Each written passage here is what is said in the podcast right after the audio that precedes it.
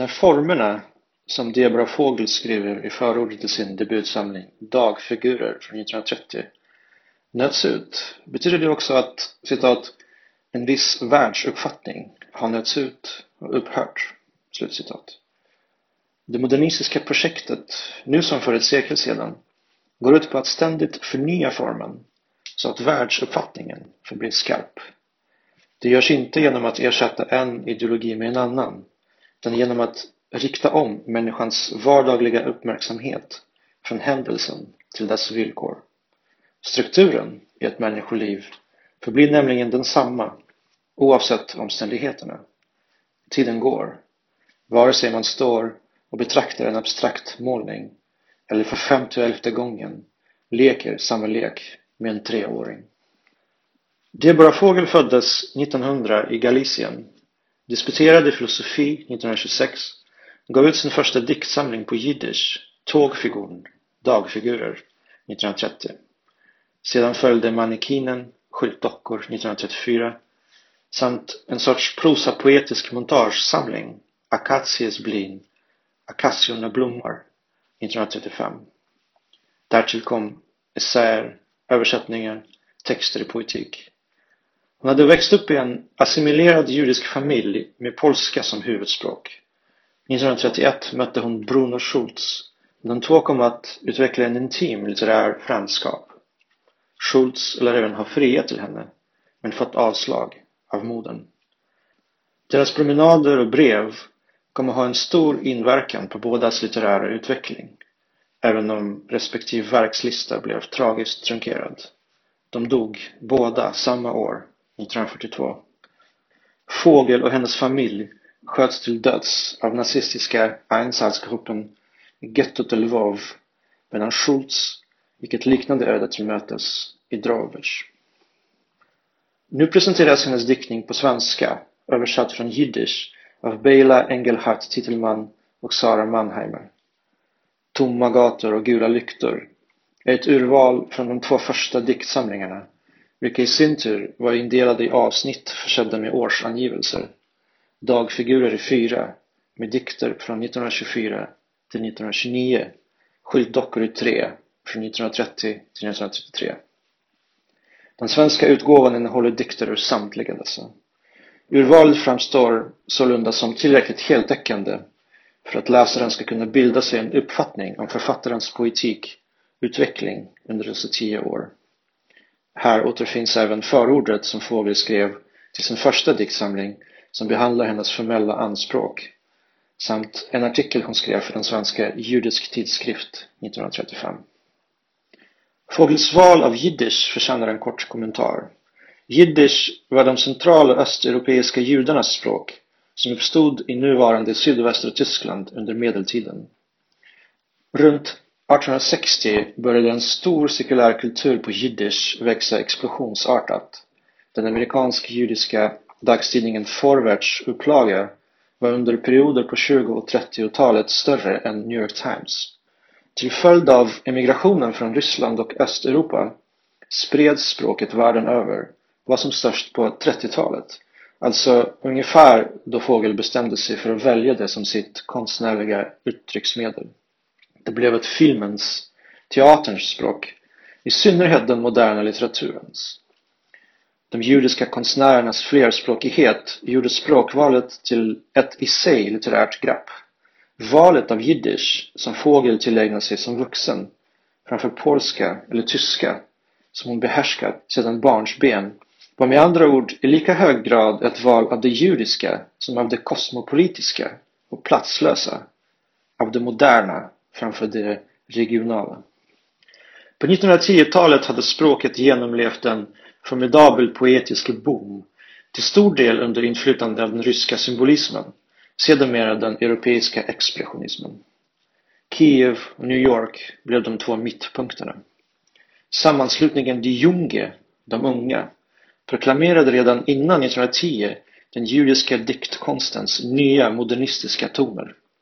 Den samtidiga orienteringen mot världskultur och judisk folklor jämte poesins självständighet och självtillräcklighet. På 20-talet kom en annan modernistisk grupp, In sich, i sig att sätta tonen. En subjektivistisk poesi, var i omvärlden filtreras genom ett individuellt medvetande. Det var mot denna som Fågel orienterade sig. Hon debuterade alltså när avantgardet redan gjort sina stora framsteg i metropolerna. Hennes diktning vilar på en stadig modernistisk, i synnerhet futuristisk grund med typiska grepp som sinnesanalogier, montage och urban tematik. Citat. På kantiga gator av gul stel metall luktar det av klibbigt ljus, av klistrig plåt, vattnigt glas. Slutcitat. Stad och tid, liksom deras samverkan, är huvudmotivet. Debutsamlingen och i synnerhet dess första avsnitt är en abstrakt kalender där dagarnas rutor fladdrar förbi, försvinner ur siktet i diskreta serier om 4, 7, 30. Citat. Och man räknar igen. En andra vecka, en tredje, en fjärde. Ett block med 30 solar, en månad. Slutcitat. Tidens gång representeras av geometriska konturers rörelse. Fönsterrutorna släcks och tänds. Lyktorna slocknar och tänds igen, citat, varje kväll klockan sex, slutcitat. Människan rör sig 20 meter framåt i en mekanisk och ständigt skiftande urbanitet. En grå kruka avlöser en blå. Sen börjar allt om. Staden, liksom tiden, är en upprepning Förändringen finns att uppdaga i variationerna inom denna upprepning. Det mänskliga känslolivet är inneslutet, inrutat i den matematiska omvärlden. Det söker efter ett uttryck, ungefär som människan ser sig runt efter svar på frågan om vem hon egentligen är. Citat.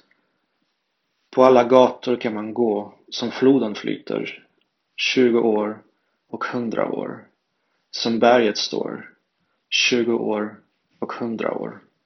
Slutcitat. Utmärkande för Fågel är det intima intresset för abstrakt måleri. Vid en första anblick kan de inledande dikterna från debutsamlingens första sektion, Rektanglar, läsas som ekfraser. Citat. Gråa rektanglar av papper. Färgade rektanglar. Gråa hus. Färgade hus. Framför fyrkantiga papper. Stelnar rödmålade cirklar, kantiga, pappersstela, som upptagna människor, röda dahlior.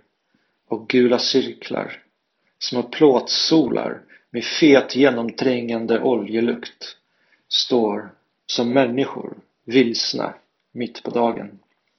Slutcitat.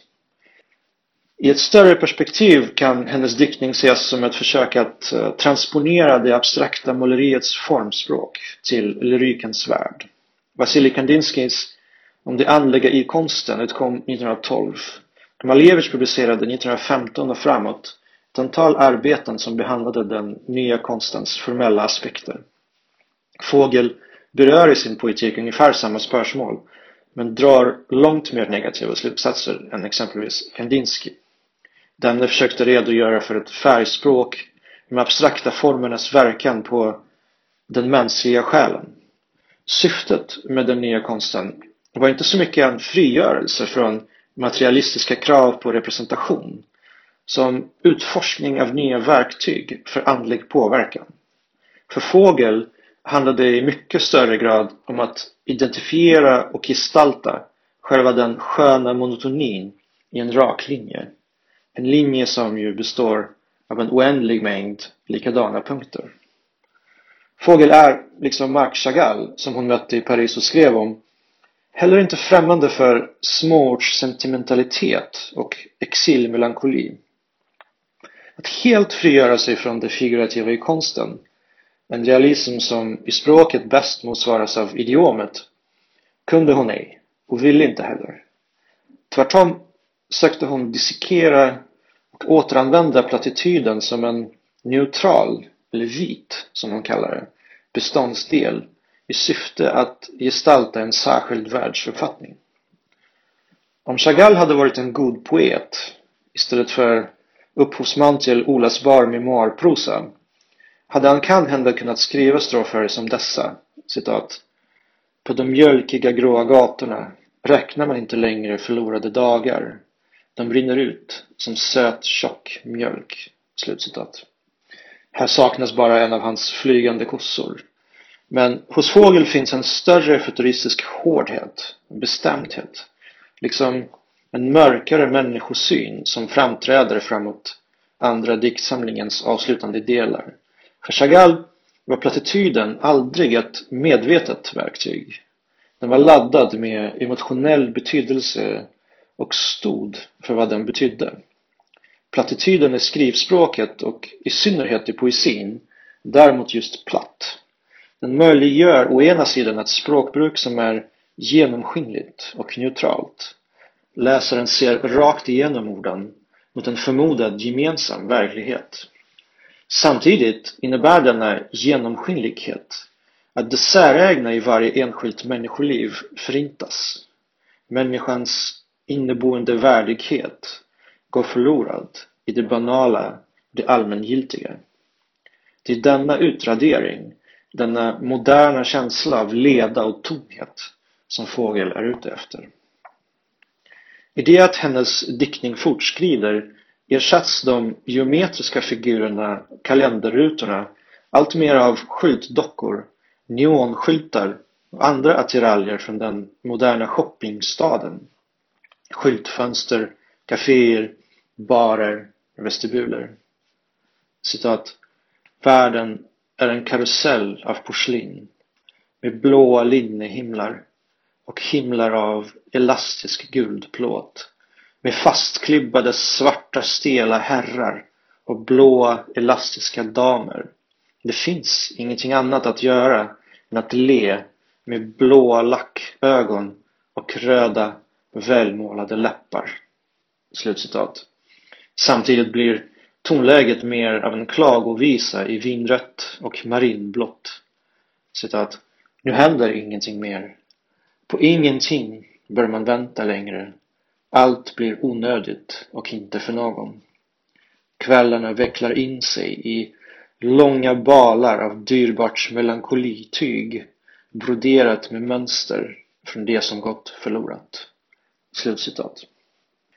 Dessa passager kan så här nästan ett sekel senare kännas som pliktskyldiga och möjligen triviala i sin uppenbara konsumtionskritik. Melankolityg är ingen bra nybildning. Kompositionsmässigt framstår de likväl som nödvändiga. Det är en sorts andetömning inför slutackordets bittra styrka. Från rena, abstrakta andeuttryck blir också de i de båda diktsamlingarna våldsamt överrepresenterade färorden nu bara neonens, affärsskyltarnas attribut. Det är slående att båda diktsamlingarna börjar med kall geometri och slutar i sorgsen kärlek. Däremellan finns upprepningstvånget, ledan, stadens rutnad. Effektfullt tecknar Fågel i den avslutande sviten skräpballader från 1931 till 33 det moderna jagets självbesvikelse. Att de känsloerfarenheter som livet utlovat i slutändan var ungefär citat som det står i dåliga romaner och livet är bortkastat. Slutcitat. Ungefär som inför en abstrakt målning sträcker sig människan efter den andlighet som den tycks utlova men finner så fort tolkningsarbetet sätter igång endast banalitet. Och även det att livet är bortkastat är en banalitet. Att efter den abstrakta form och färgsprakande inledningen plötsligt läsa dessa tomma rader som återanvänder klichéspråket i realistiska romaner blir nästan smärtsamt. Ungefär som det är smärtsamt att en kväll gå igenom någon anonym förort och se människor återvända till sina likadana hem. Av färgprakten återstår till sist bara gröna blad och blåa morgnar. Det är också slående att en stor del av dessa dikter plötsligt ägnas åt staden Paris. Denna modernitetens skådeplats och dess allra största klyscha, där varje dröm sedan länge är förvandlad till fetisch, där skillnaden mellan en dålig roman och livet är som svårast att urskölja. Citat. Paris, du stad av färggrant skräp. Slutcitat. Även färgen, som enligt Kandinsky skulle vara ett verktyg för andlighet, blir till sist bara ett attribut hos en vara. Deborah Fogels är en hänsynslös, rigorös och genomskådande diktning i bästa modernistiska tradition. Bela Engelhardt Titelman och Sara Mannheimer har skulpterat fram en stram, alltigenom adekvat svenska åt henne. Sträng i det abstrakta och känslig i det sentimentala. Det är en mycket välkommen introduktion av en poet som ännu idag har något att säga om andelivets irranden bland blänkande skyltfönster och dåliga romaner. Det modernistiska projektet är långt ifrån dött.